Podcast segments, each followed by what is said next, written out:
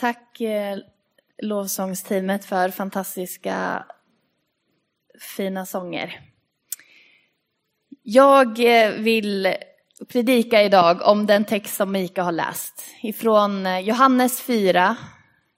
Temat idag är livets källa. Och det är eh, hämtat ifrån, ifrån kyrkoårets texter. Och eh, när jag läste den här så fylldes jag själv av sån längtan. När jag hörde de här orden, livets källa. Tänk det Jesus säger, att du som är törstig, kom och drick. Det är, eh, det är ett löfte i detta. Som, eh, som jag tror att Gud vill säga någonting till oss idag och att vi som är här idag eller som lyssnar på, på den här predikan i efterhand kan få erfara, att få uppleva och få fyllas av, av Guds ande. För det är det som eh, så tydligt Jesus pekar emot, att livets vatten, att det får vara han själv som uppfyller oss med sitt goda. Bakgrunden till den här berättelsen när Jesus möter den samariska kvinnan eh, det, det, var, fick vi läsa i texten, att eh, fariseerna hade fått höra att Jesus döpte fler än Johannes gjorde. Eh, kanske att Jesus blev trött på den där diskussionen om vem som döpte flest. Det har inte med det att göra. Och han går istället till Galileen och han säger att jag måste gå igenom Samarien.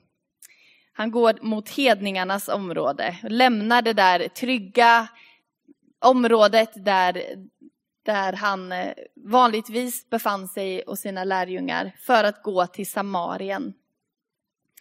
Och sam samarierna de uppfattade sig och eh, de uppfattade sig själva som, som anhängare av den rätta eller äkta i, i, tron, israeliska tron. Men judarna höll tydligt avstånd ifrån det här folket. Därför att de var som kan man säga en slags blandreligion. Man tillbad främmande gudar vid sidan av att man också tillbad Israels Gud. Och det var grunden till judarnas förakt för det här folket. Och kvinnan säger ju det, och texten säger, låter oss veta att judarna vill inte ha någonting med samarierna att göra. Och de hade istället för att tillbe Gud i, i templet i Jerusalem så hade man låtit bygga ett eget tempel på berget Gerizim. Och eh, sen dess så rådde fiendskap mellan Samarien och judarna. Det finns också fler berättelser om varför det var så, men vi förstår i alla fall tydligt att judar och samarier inte hade någonting med varandra att göra under den här tiden. Och så där kommer den här texten till oss.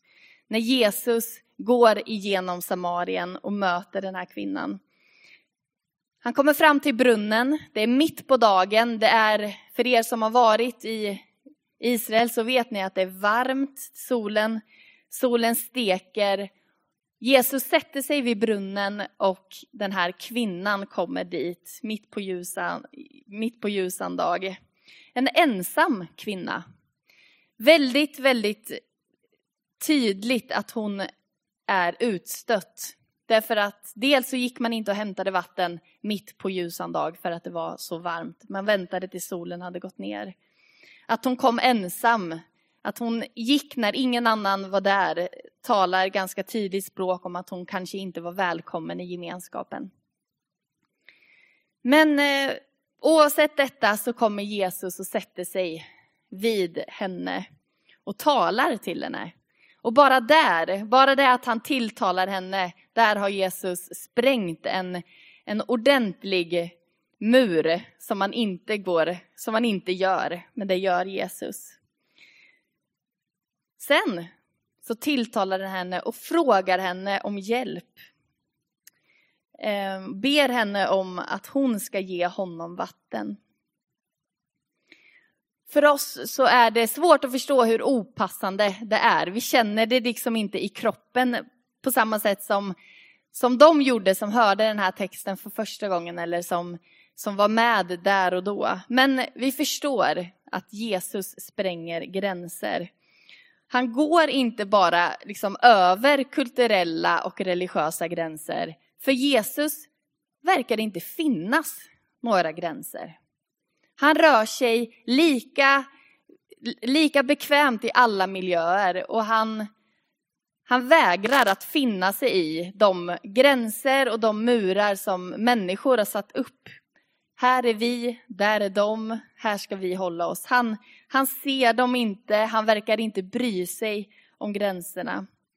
Och det är ju helt i ordning med evangeliet. Det är ju helt rimligt när vi, har läst, när vi läser Bibeln och förstår att Gud har skapat hela skapelsen. Han har skapat alla människor. Jesus har dött för alla människor. Jesus kom, blev född för alla människor i hela den här, på hela den här jorden. Så självklart så finns det inga gränser för Jesus. Självklart så ser han varje individ som skapad och älskad av honom.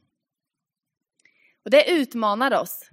Det utmanar mig som kristen, det utmanar mig som pastor, det utmanar oss som kyrka, tycker jag, i våran tid som vi är i nu. Att inte tänka vi och dem, att inte tänka gränser, att tänka bortom det. Att förstå att Jesus vill möta var och en som finns i vårat eh, här. Liksom. Och det utmanar mig att tänka vilka gränser finns i mitt liv? Vilka gränser har vi som skapat, kanske som kyrka eller som individ? Vilka gränser finns naturligt i våran stad som människor känner till och som man, som man uppfattar att här är en, en gräns. Jag vet när, när vi bodde i Malmö så var det så tydligt att när, vi, när, man, när man pratade med eh, med barn eller med familjer eh, som bodde på viss, i vissa områden av, av Malmö. Jag, jag mötte ganska många eh, där jag när, vi, när jag pluggade till pastor så var det på samma plats som en folkhögskola och eh, SFI. Så det var många liksom, samtal med, med människor som, som eh, pågick där i skolan. Och jag förstod att många av deras eh, barn, de hade aldrig varit och sett havet.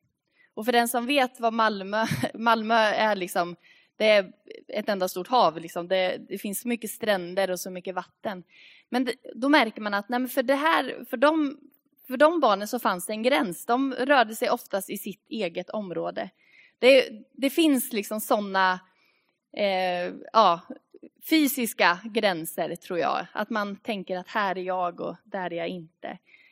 Och där tänker jag att vi som kyrka och vi som gemenskap har en, en utmaning att, att eh, spränga gränser. Att tänka, om inte människor kommer till oss så kommer vi till dem. Jag tror att det är jätteviktigt. Att vara medveten om gränser och därför gå över dem. En sak som Jesus gör i den här texten, det är att han ser kvinnan. Han ser kvinnans verkliga behov. Han säger inte det första han gör, att du behöver bli frälst. Utan han börjar prata med henne om det som de har gemensamt. Just då är det törsten. Det är varmt, det är soligt. Eh, han ber henne om vatten. Han börjar liksom ett samtal i vardagen, i det naturliga.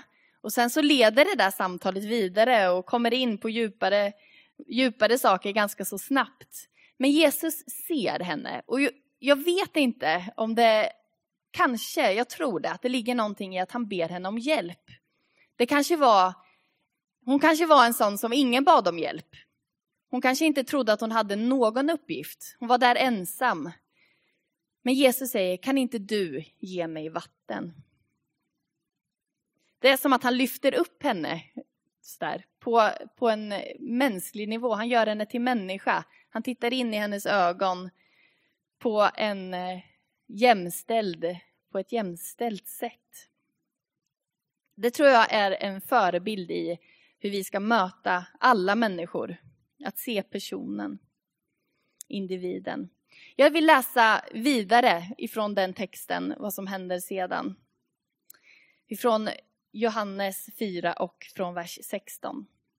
Jesus sade, gå och hämta din man.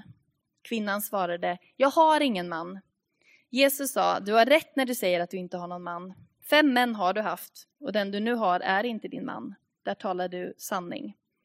Kvinnan sa, Herre, jag ser att du är en profet. Våra fäder har tillbett Gud på det här berget, men ni säger att platsen där man ska tillbe finns i Jerusalem. Jesus svarade, Tro mig kvinna, den tid kommer då det varken är på det här berget eller i Jerusalem som ni ska tillbe Fadern. Ni tillber det som ni inte känner till, men vi tillber det vi känner till eftersom frälsningen kommer från judarna. Men den tid kommer, ja den är redan här, då alla sanna gudstillbedjare ska tillbe Fadern i ande och sanning. Ty så vill Fadern att man ska tillbe honom. Gud är ande och den som tillber honom måste tillbe i ande och sanning. Kvinnan sa, jag vet att Messias kommer, alltså den smorde. Och när han kommer ska han låta oss veta allt. Jesus sade till henne, det är jag, den som talar till dig. Jesus har mött kvinnan, han har talat till henne, han har pratat om vatten, om törst, om brunnen. Och nu så gör han någonting helt fantastiskt, nämligen att han uppenbarar vem han är för henne, för denna samariska kvinna. Någonting som man inte gör nästan för någon i evangelietexterna innan. Han är väldigt hemlighetsfull vanligtvis, men för den här kvinnan så säger han, det är jag som talar till dig, det, det är jag som är den ni väntar på. Han, han eh, ger sig till känna där i den här situationen. Och hennes frågor, vart ska vi tillbe, hur ska vi tillbe? Jag tänker att Jesus pekar på att det är jag som person, det är Jesus som person som är den ande och sanning, som är det nya templet, den nya platsen att tillbe. Det är varken där eller där, det är inte det viktiga, vart eller hur, precis som Mattias var inne på i inledningen. Det är inte det viktiga hur vi tillber, utan att vi tillber honom, Jesus Kristus. Och att Gud, att Jesus är en källa. Att Jesus säger att vattnet som vi hörde i Mika läste tidigare, att det blir som en källa inom oss. En källa, det betyder att om den där källan finns i mig, då behöver jag ju inte tänka att vart ska jag gå och tillbe, hur ska jag tillbe, utan här inne, liksom, i mitt hjärta, i mitt liv finns Gud. Och då blir inte hur och var lika viktigt. För Jesus bor i dig. Anden bor i mig. Jag tror att det är det Jesus syftar på eh, när han försöker hjälpa henne att förstå att det handlar inte om teknikaliteter. Det kanske det har gjort hittills, ni kanske har varit väldigt fokuserade på det, men nu är det eh, anden, anden som är en källa i oss. Och det där med att, att eh, Gud vill, vill vara en källa i oss, jag tycker det är fantastiskt och någonting som jag den här, de här två senaste veckorna när jag har haft den här texten i mitt eh, medvetande och vetat att det är det här eh, som jag ska predika om, så har den här, det har återkommit till mig så mycket att jag vill dricka av anden. Alltså att den där källan som, som Jesus talar om till den här samariska kvinnan, att den källan finns inom oss, var och en som tror på Jesus. Den där källan är verklig. Och en källa, vad är det för någonting? Jo, men det är ju någon eh, outsinlig eh, kraft. Någonting som jag inte behöver gå och fylla på och känna oj, jag undrar om det här, om, jag har, om, det, om det här finns någonting i. Utan att få veta tryggt och säkert att källan, självaste källan, där allting liksom springer ifrån, där allting kommer ifrån. Tänk att Gud har lagt ner den källan inom oss. Vad fantastiskt det är. Och att jag vet att jag kan be till Jesus när som helst, hur som helst. Jag behöver inte skämmas för honom att jag inte har bett innan, utan jag vet att när jag kommer till honom så är han där fullt närvarande, möter mig och vill fylla på mitt liv. Och han vet vad jag behöver. En källa är ju någonting som, där jag får hämta kraft ifrån. En källa är någonting där jag får ösa in i mitt liv. Och den, har, den källan finns tillgänglig för dig. Jag vet inte var, hur och vad du upplever att du har behov av just nu. Kanske, kanske det är behov av, av glädje, kanske det är behov av, av tröst eller av nytt mod, av hopp. Kanske det är behov av, av närheten till Jesus, att få känna glädjen i, i honom, eller kraften ifrån honom. Där så tror jag han vill säga någonting till dig idag, att kom till hans källa och låt honom få fylla på. Hämta, hämta det hos honom. Jag vet hur, hur, eh, hur lätt vi, vi människor har att ösa ur andra källor och tänka att vart ska jag hämta min glädje, vart ska jag, hämta, vart ska jag bli utvilad? Och vi kan komma på alla möjliga olika saker som vi tänker att här, det här är nog, det är nog här och på det här sättet. Men källan är hos Jesus. Den främsta källan är hos honom. Och idag så har vi sån möjlighet när vi får fira gudstjänst tillsammans att få hämta det hos Jesus. Vi ska fira nattvard om en stund. Det är en källa. Att få komma till Jesus och ta emot och få minnas det han har gjort men också få verkligen komma till källan. Till det som är det mest, mest essentiella. Jesus som dog på korset, få ta emot det. Att dricka av anden.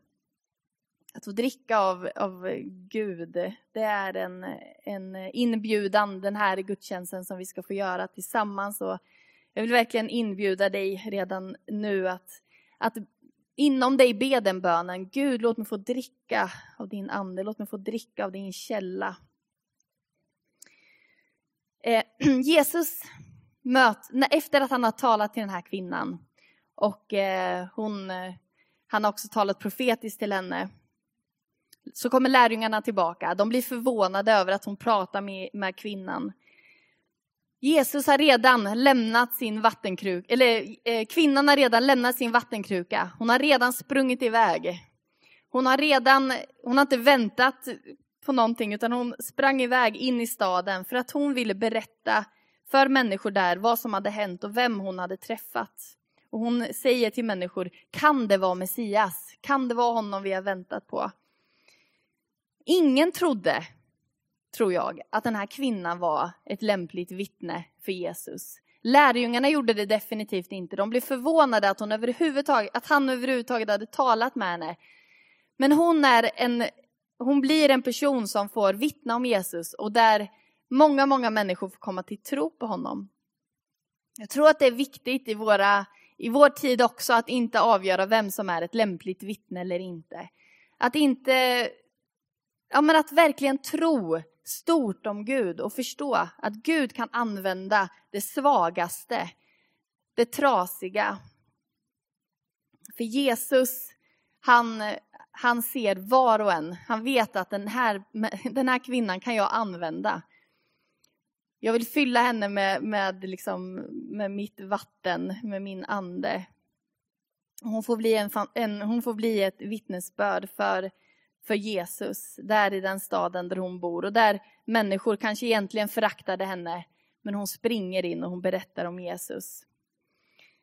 Ehm, där tror jag att det är en utmaning till oss som, som församling också, att verkligen våga bjuda in, att våga tala med människor, att tänka att våra gudstjänster, vår, vår församling, våra verksamheter, de är till för alla, precis alla människor. Och att vara förberedd på det. Att, att vi ska jobba på det men att vi också ska vara beredda att ta emot alla människor till vår kyrka. Och att våga bjuda in, precis som den här kvinnan gjorde. Att våga. Och där så vill jag läsa den sista delen ifrån den här texten. Ni säger fyra månader till så är det dags att skörda. Men jag säger er, lyft blicken och se hur fälten redan har vitnat till skörd. Den som skördar får sin lön, han bärgar grödan till evigt liv så att den som sått och den som skördar kan glädja sig tillsammans. Här gäller ju ordet att en sår och en annan skördar. Jag har sänt er att skörda där ni inte behövt arbeta, andra har arbetat och ni får lönen för deras möda. Många samarier från den staden hade kommit till tro på honom genom kvinnans ord när hon försäkrade han har sagt mig allt som jag har gjort. När samarierna kom till honom bad de honom att stanna hos honom och han stannade där i två dagar. Många fler kom till tro genom hans egna ord och sade till kvinnan, nu är det inte längre vad du har sagt oss som får oss att tro. Vi själva har hört honom och vet att han verkligen är världens frälsare. Tänk att den här kvinnan fick vara med om detta. Att det vittnesbörde som hon hade, det trasiga livet som hon hade levt, i mötet med Jesus så blev hon förvandlad, blev upprättad och sprang in till staden och fick med sig, eh, fick med sig hela, vad det verkar, hela staden. Och liksom, nu ska ni få möta Jesus. Och så fick de se och säger att nu är det inte längre dina ord utan vi har upplevt och sett att Jesus är den han är. Det är en, eh, en vision, skulle jag vilja säga, till vad vi som kyrka kan få vara. Vad människor kan få vara med om. Vad alla människor kan få vara med om.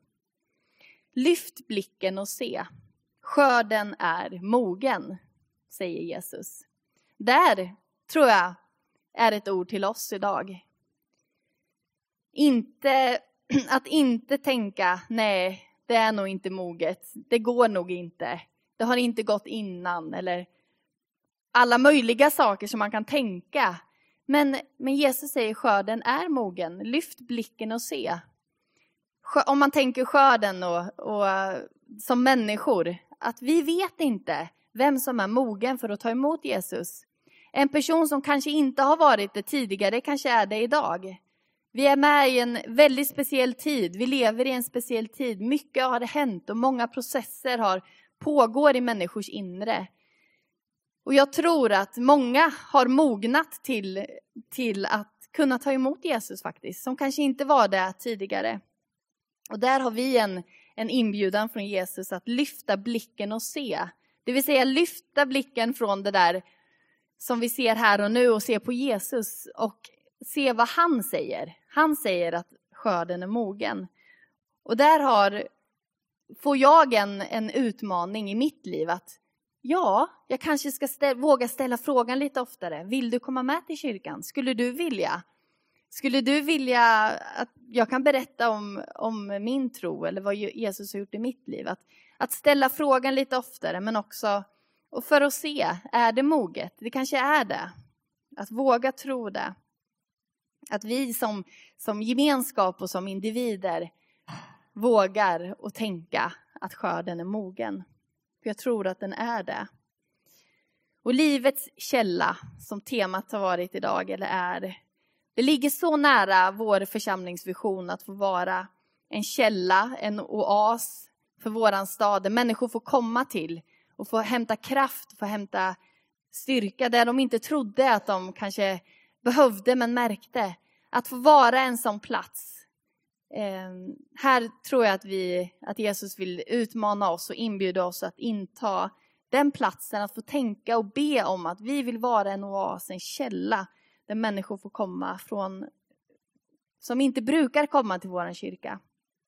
Det vill jag ska få vara en det är min längtan med det här året som ligger framför 2022. Att våga tro på det Jesus säger, att, att lyft blicken och se skörden är mogen. Att bjuda människor att komma och dricka av vattnet, av Guds källa. Ehm, och jag, jag, jag, vill också, jag tror att Jesus vill säga det till dig som, som in, in i ditt liv idag. Att du ska få dricka av källan. Att du ska få komma till honom ta emot det Jesus vill ge till dig. Vi kan be tillsammans. Herre, jag tackar dig för att du är det levande vattnet. Du är källan som, som alltid har vatten, källan som alltid är fylld. Jesus, jag vill be, Herre, för oss, var och en som är här och som lyssnar idag.